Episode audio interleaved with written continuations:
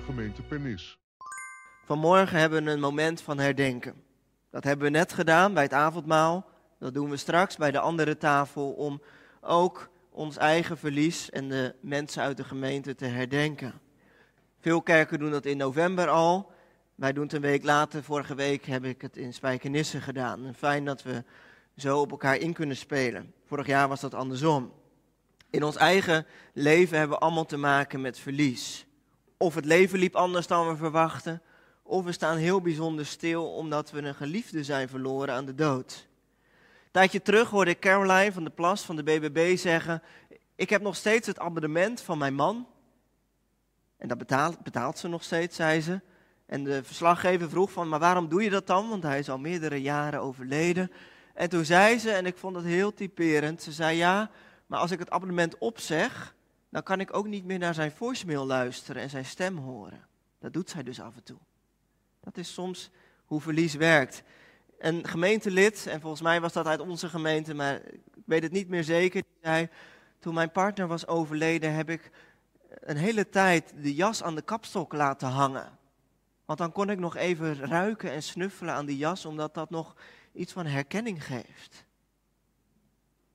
En dan denken wij vanmorgen op deze eerste advent over de dood, over het einde, over het, het leven na de dood, zou je bijna kunnen zeggen.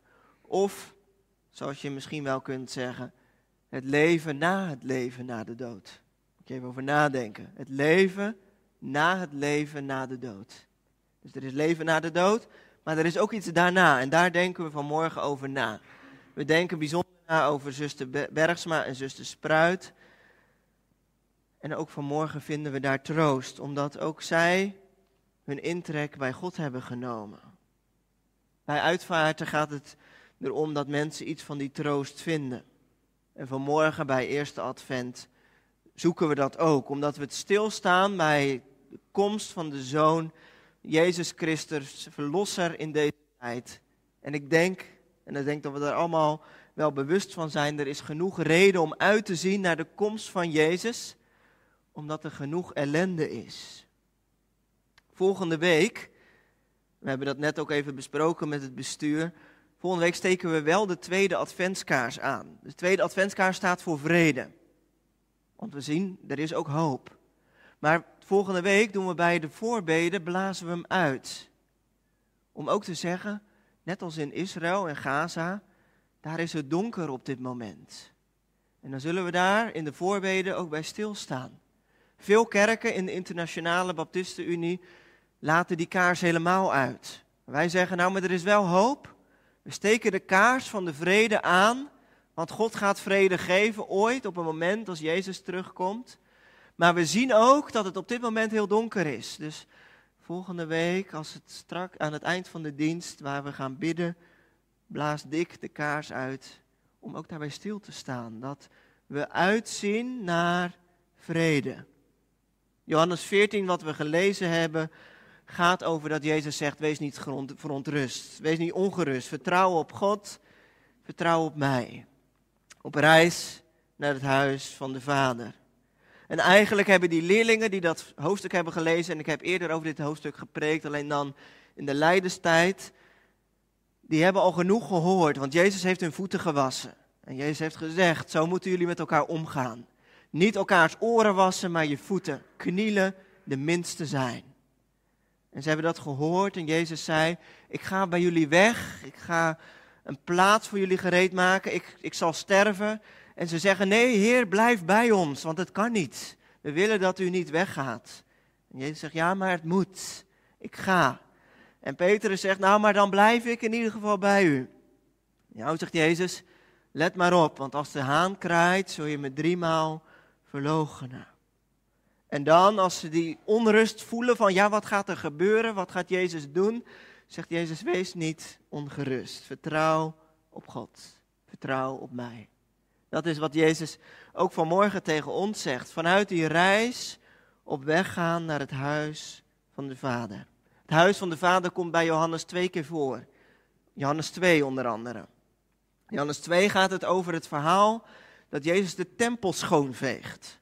Als al die dieren en die mensen, die geldwisselaars in, het, in de tempel staan en dat Jezus zegt, eruit, want dit, dit is het huis van mijn vader.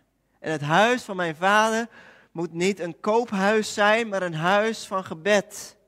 En hij jaagt ze de tafels om, huis van mijn vader. Johannes gebruikt diezelfde term in Johannes 14, waarin Jezus die lange redenvoering houdt over zijn afscheid. En als we vanmorgen ook onze herdenkingsdienst hebben, onze gedachtenis-zondag, dan, dan is dat mooi dat we ook denken aan de woorden die Jezus sprak voordat hij ging naar zijn vader. Jezus bedoelt in Johannes 14 denk ik niet per se de tempel. En toch zit er wel een overeenkomst in. De tempel stond in het Oude Testament en ook in het begin van het Nieuwe Testament voor verbinding van hemel en aarde. Dat waar, ja, de tempel stond eigenlijk voor, de, voor het, het beeld van het paradijs, waar mensen in complete harmonie met God waren. En al die beelden in de tempel en de tabernakel, die wijzen daar naartoe. Tot het heilige der heiligen, waar de ark van het verbond staat, waar de wolk van God neerdaalt als de tempel geopend wordt en Salomo bidt. Daar is God, Gods aanwezigheid. God is aanwezig daar in zijn heerlijkheid. En als Jezus spreekt in het Nieuwe Testament en met name in het Evangelie van Johannes, ik hou van het Evangelie van Johannes omdat dat dingen net iets anders zegt, iets waar je over na moet denken, spreekt hij over zijn koningschap, over zijn verheerlijking, over omhoog geheven worden. Johannes 12 zegt dat onder andere. Hij zegt, als ik omhoog geheven word, dan zal ik iedereen naar mij toe halen. Dat is wat Jezus doet als hij aan het kruis hangt. Dat is het evangelie van Jezus, dat hij zegt, als ik letterlijk tussen hemel en aarde inhang, daar gebeurt het. Daar is de nieuwe tempel. Daar is waar Jezus zijn leven en zijn dood geeft om hemel en aarde te verbinden met elkaar. Daar is Gods koninkrijk. En Jezus zegt, het evangelie is daar. En Johannes sluit daar ook mee af. In het laatste hoofdstuk waar Jezus sterft, zegt Jezus, het is volbracht. Jezus zegt dat alleen in het evangelie van Johannes. Daar werkt het naartoe. Waar Jezus hangt tussen hemel en aarde om verbinding te maken tussen hemel en aarde, daar is het volbracht. En daarom is er hoop. Daarom mogen wij vanmorgen avondmaal vieren in de kerstperiode. Omdat we daarbij de woorden laten klinken. Er is een plaats voor jou. Je zegt, het huis van mijn vader zijn veel kamers.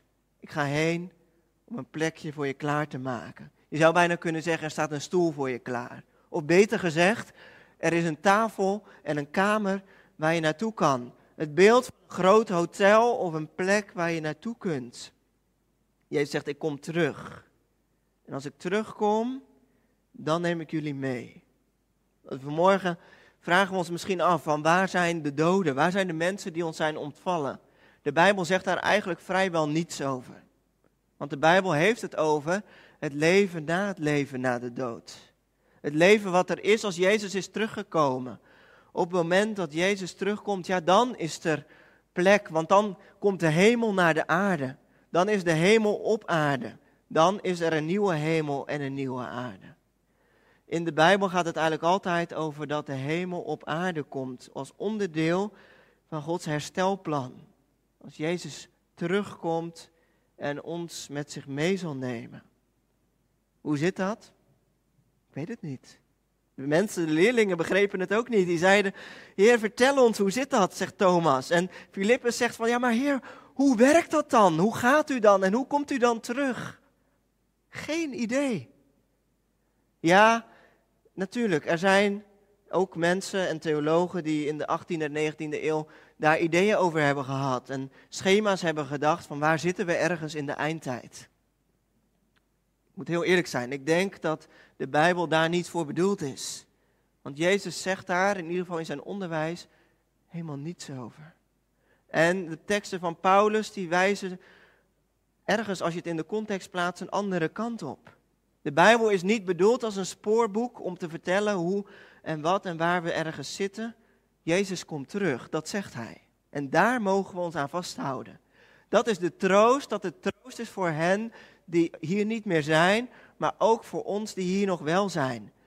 En in alle eeuwen hebben mensen uitgezien naar de komst van Jezus. In Advent, maar ook daarachter dat Jezus ooit terugkomt en dat hemel en aarde verbonden zijn. En in alle eeuwen hebben gelovigen tegen elkaar gezegd: Nou, nu zal het wel bijna zo zijn, want erger dan dit kan het niet. En ook nu horen wij en zeggen wij dat tegen elkaar. Als we de donkerheid van de oorlog in Israël en Gaza zien, als we Oekraïne zien, als we alle mensen in Soudaan zien of in Jemen, de stille oorlogen, de honger, klimaatveranderingen. Het lijkt alsof het dichtbij is. En het mooie is dat Jezus zegt, ja, ik kom spoedig. En dat spoedig, dat is een ruim begrip. Want Jezus zegt eigenlijk niet van, nou, dat is morgen zo, of dat, dat, dat komt een keer. Nee, het komt als je het niet verwacht. En als het dan zover is, dan is het koninkrijk van God compleet. Het huis van de Vader is daar waar hemel en aarde verbonden zijn met elkaar. Waar een plekje is voor ons allemaal, ook voor hen die hier niet meer zijn. En is er dan genoeg plek? Jezus zegt, maak je daar geen zorgen om. In de nieuwe hemel en de nieuwe aarde is er plek, want er zijn genoeg kamers voor iedereen. Jezus komt terug. En is dat soms ingewikkeld? Jazeker. Ze zeggen, Heer, toon het ons. Laat het zien. Vertel ons, hoe werkt dat dan? En Jezus zegt alleen, ik ben de weg, de waarheid en het leven. Jezus is sterker dan de dood. Hij zegt, ik ben de opstanding en het leven. En in die Heer vieren wij opstanding en het leven van het kleine kind wat kwam, omdat Hij in het leven kwam om herstel te brengen. Waarin de wereld, de planeet, de dieren, alles zal hersteld worden. En waarin wij tot die tijd werken en bouwen aan zijn koninkrijk. Het doet ertoe wat, wat wij doen. Maar we zijn verlangend en onderweg naar het koninkrijk van Gods vrede. En we zien er naar uit. En we begrijpen het misschien maar voor een heel klein stukje. Want het is een geheim. Een geheim dat Jezus zegt: Ik ben er, ik zal komen. Wees niet ongerust. Vertrouw op God. Vertrouw op mij. Amen.